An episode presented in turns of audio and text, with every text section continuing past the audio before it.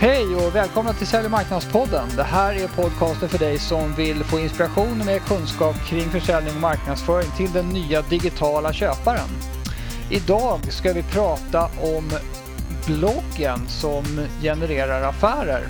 Tjena Lasse, hur är läget? Ja, det är lysande faktiskt. Eh, jättespännande ämne idag måste jag verkligen säga. Det är, det är riktigt spännande det här med bloggning. Så det ska bli kul att ge sig på det. Ja, absolut. Eh, du kan väl börja med att berätta hur du varit en bloggare. Du har inte alltid varit en bloggare, men nästan. Nej, precis. Ehm, det är så. Jag har inte alltid varit bloggare, men, eh, men hur blev det, kom det sig att jag blev bloggare? Jag tror att det började väldigt mycket med att jag började följa andra personer som jag eh, såg upp till och Eh, tyckte var intressanta och blev imponerad av vad de eh, skriver om och det värde de levererade via sina bloggar och hur pass eh, passionerad följare jag blev till flera av dem efter ett tag. Och sen när jag började satsa mer på det här med content marketing, att försöka hjälpa digitala B2B-köpare på sina köpresor, så insåg jag en ganska stark koppling mellan det jag vill åstadkomma kopplat till content marketing och eh, vad bloggen faktiskt kan hjälpa till med och den kraften den eh, levererar. Så det, det var så jag kom in på det och sen började jag så smått själv då och det gav ju naturligtvis effekt ganska snabbt. Eh, mm. snabbare än vad jag trodde. Och mm. Det är en härlig känsla när man får, eh, får följare och får folk som, som gillar det man gör i sin blogg. Så att, eh, mm. sen är man fast. Exakt. Ja, nej, men det, det, jag håller med dig. Jag har ju drivit både företagsbloggar och privata bloggar. Jag tycker det, det är grymt när man får lite respons och man ser i Analytics att folk är där och läser. Så att. Om du skulle säga någonting Anders om, om syftet kopplat till, eh, till bloggning när det handlar om eh, business to business och generera affärer. Vad skulle du säga då? Mm. Ja, just det. men du, du tar upp syftet i din fråga där också.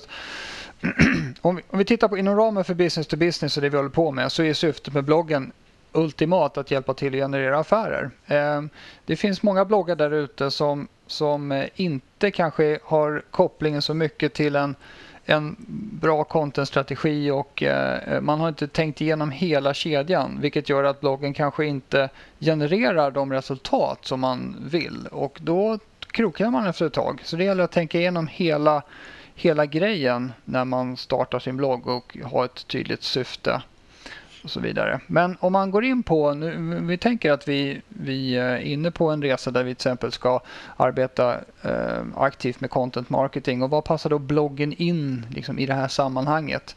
Och jag skulle säga att bloggen är ju, är ju ett bra ställe att ha ett kontinuerligt flöde av färskt content. Ehm, det är ju inte varje dag man spottar ur sig ett white paper eller gör en undersökning. Men man kan faktiskt spotta ur sig en bloggpost om dagen eller några i veckan. I alla fall beroende på hur mycket annat man har att göra.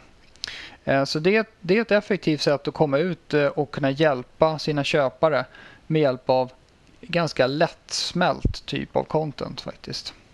Mm.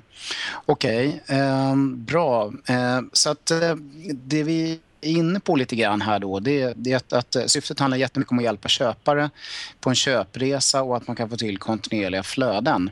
Mm. Eh, men det blir ju ett väldigt effektivt sätt att sprida content på. Eh, mm. Egentligen oavsett om bloggen i sig eh, är väldigt eh, innehållsrik och ett, ett content, eget content eller om, om den handlar om ditt eget eller andras content som kan vara relevant för köparen. Mm. Så det är, spridningen det. är ju är ju väldigt eh, intressant. Ja.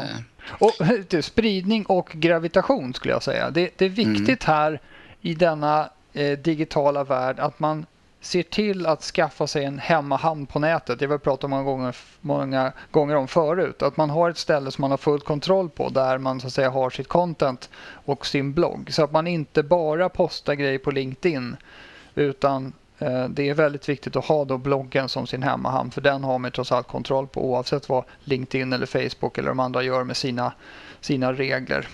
Mm. Och jag känner lite grann där att, att eh, gör man det här kontinuerligt och jobbar med det strukturerat för att hjälpa köpare, då blir det liksom ditt content, ditt riktiga originalkontent som du sen då kan sprida via olika typer av sociala medier och sociala mm. kanaler.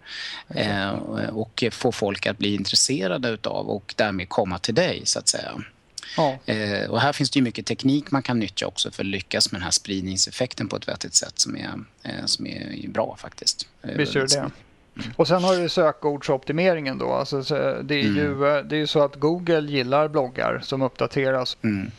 Ja, men annars då, om man ska landa den här syftesfrågan så är det ju, är det ju grunden att få följare i, i sin egen digitala hemhamn som, som, som regelbundet följer den och och studera det man gör och, och, och dra nytta av det man skriver eh, och på så sätt få hjälp och även kan informera andra om det här eh, mm. så att de också kan få hjälp, eller hur? Ja, just det. Så är det. Du, eh, om man ska sätta igång och göra bloggar då. Eh, det finns nog många av dem som lyssnar som tycker det här kan vara eh, ganska mycket med vetenskap och undrar lite grann hur man ska tackla det. Vi mm. brukar prata om lite olika typer. Ska vi ta lite mm. typexempel? Vill du ta något ja, favorittyp, Anders, som du gillar? favorittyp? Ja. ja, men jag tycker, jag, jag tycker de, de bloggposter som har varit eh, lite roliga för oss på vår egen blogg där på businessreflex.se. Det är ju eh, det har varit där man sticker ut lite grann faktiskt. Man kan säga att det är en debattblogg eller att man, man skiljer ut sig lite grann från mängden och eh, eh, tar upp ett ämne. Till, vi, vi, en, en populär som vi hade det var väl den här om solution selling, att det var dött eh, mer eller mindre. Ja, den, den, den, fick ju bra spridning och folk engagerade sig i den för att vi inte bara var någon sorts lärare som lärde ut saker utan vi kom med en, en åsikt, en synpunkt. Mm. Ja, men, ja, men jag kan hålla med dig. De här debattbloggarna är ju där man hänger på eh, en trend eller hänger på ett ämne och, och startar en, en dialog och, och, har liksom en synpunkt. Det är väldigt spännande. De kan vara ganska svåra att få till ibland och det är ju rätt viktigt att man får till timingmässigt rätt också. Mm. Ja, just det. Så det kanske inte är allra lättast att börja med. Eh, jag skulle nog säga så här att en typ av bloggpost som är ganska lätt att börja med det är att man hittar annat bra content som någon annan har skrivit som man kan eh, läsa, förenkla lite grann och sätta i ett sammanhang för sin egna läsare. Mm. Eh, så man helt enkelt pratar om någon annans content och försöker sätta det i ett perspektiv. Eller eventuellt om bolaget har väldigt intressant content eller man själv har gjort annat content som man, som man liksom eh, pratar om och sätter i ett bra sammanhang för köparen. De brukar oftast inte vara så svåra eh, men ganska effektiva. Ja, just det. När man kokar ner någonting. Och det där, eh, vissa tror ju att man måste skapa allting från scratch själv, att det som säger är fusk annars. Men grejen är den att om man, om man läser vad någon annan har skrivit eller någon, någon instruktion man har sett och så vidare och sen reflekterar man över det eh, och tipsar någon om, säg att du, du, du i din nyhetsbevakning så tröskar du igenom 100 artiklar. Så väljer du ut en av dem och den skriver om. Det är ju en jätteservice, världens ja, världens service helt enkelt till dina läsare. För de behöver ju då inte tröska igenom 100 artiklar för att hitta den där. Utan då har ju du hjälpt dem med det. Så bara en mm. sån sak är ju Precis, de brukar också kunna vara väldigt, eh, väldigt eh, bra faktiskt. Mm. Eh, väldigt uppskattade att man gör det där. Att många, mm. många vill inte läsa liksom allt långa utan de vill ha sammanfattningen. Så att, eh. Precis. Men något annat vi har provat är ju lite de här nedslag i verkligheten-bloggarna. Eh, mm. När man själv är ute och i, i verkligheten och, och, jobbar och upplever saker och ting som man lär sig och drar slutsatser av som man förmedlar. Eh, mm. Som är nästan någon form av dagbok lite. Så, eh, de, de, ja, du skriver just, just nu om ledningsgruppen, eller hur? Som ledningsgruppen Exakt. du jobbar med, mm. som håller på att ta fram en content-strategi. Det är ju superbra. Jag tycker det här är viktigt. att att eh, så, något som vi ofta brukar stå och prata om med folk det är att allting kan bli content. Det tror jag är mm. viktigt så att man inte behöver skriva någon sorts doktorsavhandling varenda gång man, man eh, sätter sig framför tangentbordet utan det går, att, det går att skriva på ett bra sätt om saker som händer, händer i dagliga livet så att säga. En bra inspirationskälla. Mm. Mm. Nej, precis. Och sen har vi det här med seriebloggarna. Där har du själv varit lite initiativtagare, Anders. Eh, den här serien kring social selling bland annat, som du jobbar med just nu. Just det. Eh, hur har du tänkt där egentligen? Vad är själva idén med en serieblogg? Ja, det är väl e-, egentligen så... Det blir om man tar sig an ett lite större ämne så blir det ju för det, dels är det en jättekraftansträngning att skriva av sig ur alla aspekter på en gång för att få ut en enda jättebloggpost. Och den kanske mm. dessutom är för, är för jobbig att läsa så att man, man styckar upp den av, av den, den anledningen. Men sen så är det också att eh, man rent planeringsmässigt så kan man ju då planera upp, man skriver en inledningspost om vad man tänker prata om och ungefär vad de, vad de kommande bloggposterna kommer att handla om. Och så får man ju kanske jobba upp ett, ja det blir ett intresse då som man jobbar upp hos läsarna. Eh, där man tar upp olika aspekter av, av ett, ett och samma ämne. Då. Mm. Som läsare av bloggar uppskattar jag just den här typen av bloggar väldigt mycket. Eh, när de kommer från de människorna man följer och sådär själv. Det är mm. eh, jättebra. Man kan få lite grann och så får man en fördjupning över tiden som, som skapar nya dimensioner liksom, kring ämnet och sådär. Så det... Just det. Men du, eh, det här var lite olika exempel. Om vi skulle ta och beskriva hur man ska tänka då, om, om läsarna ska sätta sig ner och ta tag i det här nu, eh, kanske mm. för första gången, eh, eller om de har gjort lite trevande steg. Hur ska man generellt sett tänka då när man ska sätta igång och skriva? Ja. Eh, var börjar man? Ja, precis. Som vanligt tycker jag när man ska kommunicera så måste man börja tänka på mottagaren. Man måste tänka på vem det är du, vem det är du eh, skriver för, läsaren helt enkelt. Mm. Och eh, vi är ju väldigt mycket inne på, alltså det finns ju säkert politiska bloggar där man bara ska framföra en åsikt och så vidare. Men vi är ju inne på de här affärsgenererande bloggposterna och content marketing och i det sammanhanget handlar det om att man ska ju hjälpa en köpare att köpa någonting i slutändan. Så då måste man ju veta vilken köpare man skriver för. Och eh, det är bra om man har koll på i vilken situation den här köparen då förväntas läsa det man skriver. Eh, så att man, man kan ju tänka sig att det är beroende på vilka personas man, man uh, har i sin contentstrategi. Är det, är det folk som är vana vid att konsumera stora textmängder, ja, då kan man ju faktiskt obehindrat skriva långa bloggposter. Men riktar man sig till andra människor med liksom kortare attention span, då måste man utforma dem på ett annat sätt. Så det tycker jag är, det, det är utgångspunkten. Fundera över vilka läsare du har uh, och skriv så att det passar dem. Så det är en sen, läsare per bloggpost helt enkelt? Det, det är ja, så man ska det, tänka. Det, mm. det, tycker jag i alla fall. Det är svårt att... Det, då får man ju skriva flera bloggposter om samma sak om, om man har helt olika läsare som, som äh, ska ta till sig samma budskap, jag säga. Sen, sen så... Äh, det, det är bra att tänka på vilken, vilken fråga är det jag besvarar och är den relevant? Mm. för de här läsarna. Vad, när du skriver den här bloggposten, vad är det för vad är det för fråga jag besvarar med, med den här texten som jag skriver helt enkelt. Den är, mm. den är bra, då håller man sig lite grann på banan så man inte bara svävar mm. iväg. Det är lite det här, en fråga i taget. Liksom. En fråga och så svar på den frågan. Eh, ja. Lite sorterat per bloggpost nästan. Eh, jag tänkte tillbaka till det här med läsaren. Det är ju ett rätt bra sätt att kategorisera bloggar på också, eller hur? Man utgår från läsarna och så skapar man kategorier för olika typer av läsare eller personer som du nämnde, eller hur? Ja, just det. Man kan ju välja det eller så försöker man eh, om man, om man har gjort sin contentstrategi så har man ju liksom ämnesområden som då är extra intressanta för läsarna. För man, man kanske som läsare inte letar efter texter som passar en som läsare utan man letar efter texter inom ett visst ämne. Mm. Men det fina är ju att man kan ju sätta flera kategorier och taggar och sånt på bloggposter så att de är lätta att hitta ur olika perspektiv. Och sen är det alltid det här lite personliga touchen man vill, eh, vill hitta på ett bra lagom sätt. Eh, eller hur?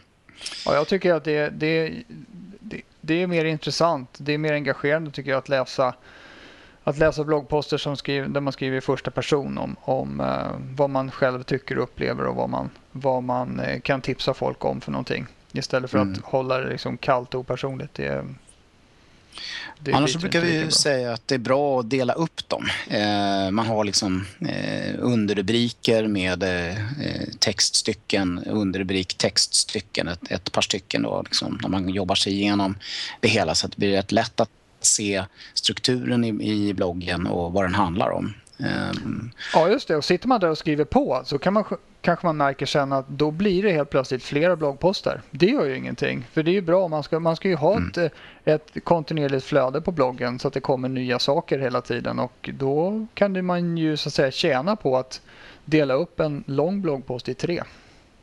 Sen kan man säga att det här med bilder blir ju allt viktigare och viktigare att man eh, får med för att det ska intressera läsarna. Eh, dels när de läser själva posten men, men även när posten publiceras på olika sätt. Att det följer med mm. en bild eh, som gör att man förstår vad det handlar om och, och som intresserar ögat och får läsaren nyfiken och, och så. Mm. Det måste man tänka till på. Det är viktigare och viktigare faktiskt. Ja, så är det. Bra sätt att kommunicera. Jag tänkte bara snabbt nämna, alltså, nu pratar vi om den klassiska textbloggen. Det finns ju naturligtvis väldigt framgångsrika videobloggare också som spelar in filmsnuttar av sig själva. Det kanske inte är lika vanligt i business to business-världen men, men det finns ju flera, det finns ju flera så att säga, videomotsvarigheter till bloggar. Till exempel Google har en hel del bra kanaler på, på Youtube om olika av sina ämnesområden. Då. Så där är ju, det kan man ju också tänka på ur ur läsar eller då tittarperspektiv. Om det man håller på med är väldigt visuellt och de som man så att säga, vill hjälpa på köpresan om de är eh, om de är sådana som hellre vill konsumera film. Men jag skulle råda eh, alla att i alla fall skaffa sig en egen blogg och sen embedda filmerna där så att man kommer till bloggen och kollar på dem istället för att man bara har en Youtube-kanal. Just av samma anledning som jag pratade om LinkedIn och Facebook och de förut. Då, att de kan ju ändra reglerna för spridning och börja ta betalt och allt möjligt konstigt eh, efter ett tag. Just. Mm. Ja, sen är det den här klassiska då med att man ska länka eh, såklart. Eh, länka från bloggposten till andra ställen på ens webbsajt och länka också till externt content som man pratar om och refererar till. Mm. Olika typer av förkortningar som är vanliga i många branscher så att man Eh, kan hitta förklaringar till sånt. Och så kommer man ju till slutet, eller hur? Den här eh, cliffhangern på slutet. Hur man ska få mm. läsaren intresserad av att vilja komma vidare eh, och, och, läsa fler bloggposter och hitta annat content som, som kretsar kring den här bloggposten som är, är rätt viktig. Ja, precis. Var, du, du pratade om förut att den här typen av bloggpost som handlar om någonting mer djup, kanske mer djuplodande content. Och, och, Det kan ju till och med vara så att vi vill ju alla, vi som håller på med det här, att, att vi ska ha content på vår sajt som konverterar.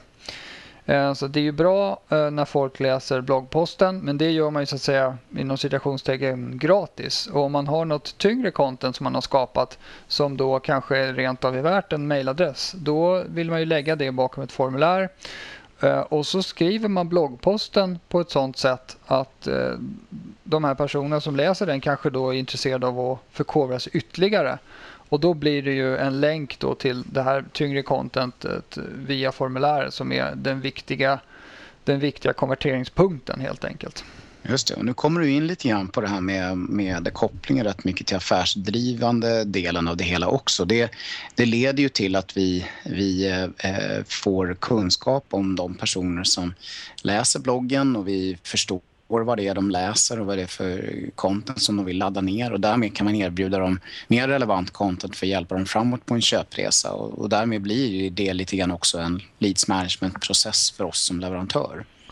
Ja, just det. Precis. Och Det där är skillnaden. Att få ihop det där med man, om man har ett eh, ett marketing automation system bakom sin sajt som håller koll på vem som läser vad och eh, att man har koll på vem som laddar ner vilket content och så vidare. Det är det som gör skillnaden mellan en blogg som bara, som bara finns där och som man eh, kommer att tröttna på efter ett tag för att det, man vet inte att den, om den ger någon eh, affärs, affärsvärde överhuvudtaget. Mm. Så att, knyter man ihop det så blir det lättare att se om man får något resultat helt enkelt. Precis, och fokuserar man sig på att blogga för att hjälpa köpare på köpresor, man jobbar med konvertering eh, i form av eh, nedladdning av annan typ av content, man, man jobbar aktivt med att se vad som fungerar i ens blogg och hur man skapar, skapar sig fler och fler eh, följare på olika sätt. Då, då rör man sig bra framåt i, i den här affärsgenererande eh, bloggsyftet, eller hur? Ja, precis. Och, och, det blir ju Eh, om man, vi har inte pratat så mycket om hur man marknadsför sina bloggposter men, men om man eh, skriver en bloggpost och sen får ut eh, Eh, information om den nya bloggposten på till exempel LinkedIn eller Facebook eller, eller på Twitter, någon annan fin kanal så där läsarna finns. Då får man en enorm spridning på saker och ting och kan locka till sig helt nya personer till sin blogg. Och har man då ett spår som går att följa till en konvertering då då så eh, får man in folk i sin tratt helt enkelt. Mm. Du, eh, vi kanske skulle börja summera här lite grann och ge ett par tips som vi brukar försöka oss på här eh, i våra poddar. Just det. Tror du? Vad säger du Anders? Om man inte har en blogg, vad gör man?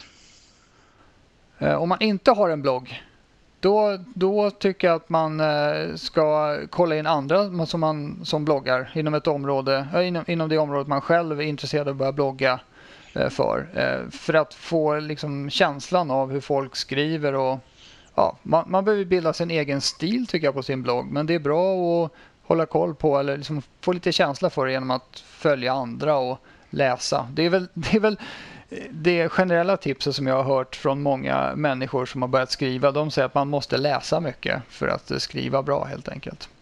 Ja, så följ exakt. andra och, och läs deras bloggposter och bli inspirerad av det. Och det går ju naturligtvis att skriva om samma saker som dem. Om man till exempel följer en amerikansk blogg, då kan man ju skriva svenska eh, eh, reflektioner över, över de bloggposterna och få det ja. ett värde på så sätt.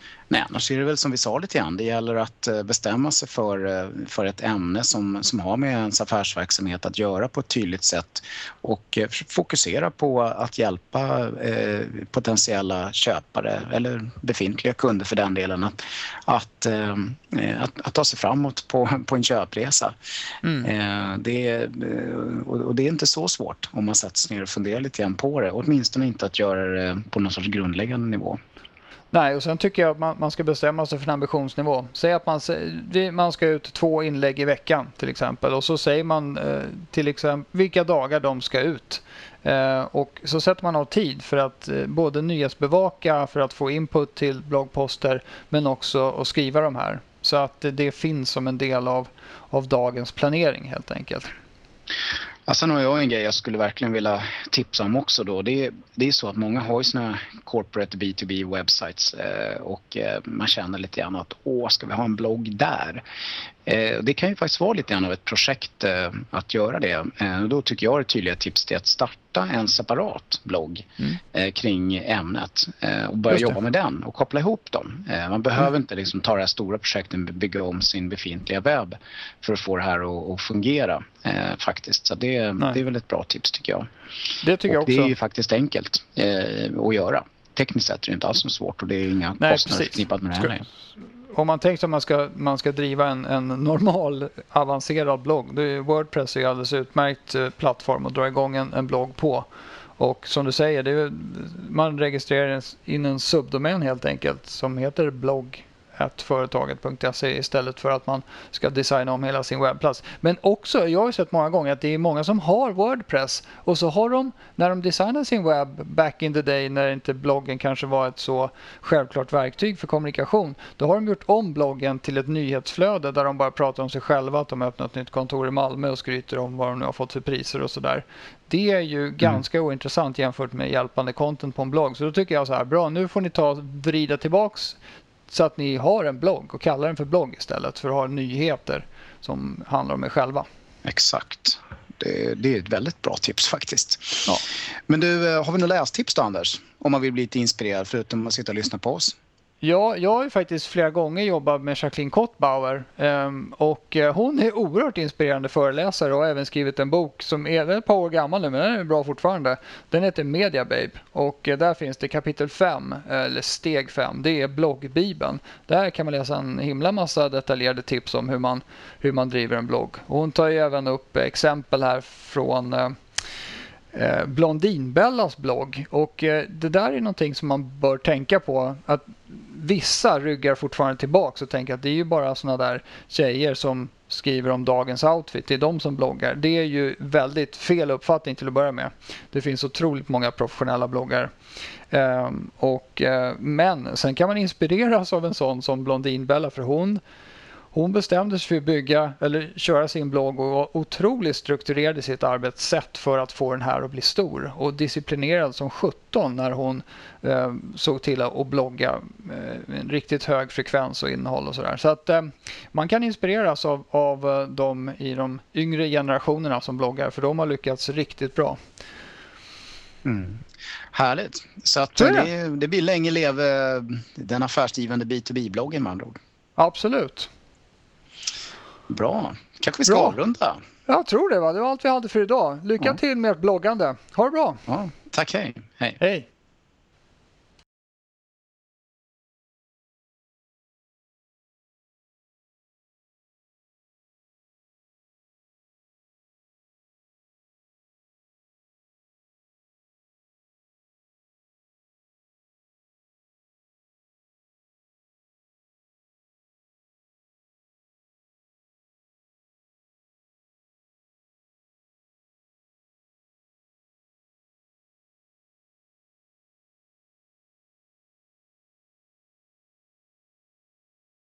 Ja, du har lyssnat till sjunde avsnittet av Sälj och marknadspodden. Eh, som vanligt finns det mer information om det vi pratar om på vår webbsajt www.businessreflex.se. Och numera finns ju podcasten även på iTunes, så gå dit och ge oss en rating. Eh, tills vi hörs nästa gång, ha det bra och var relevant!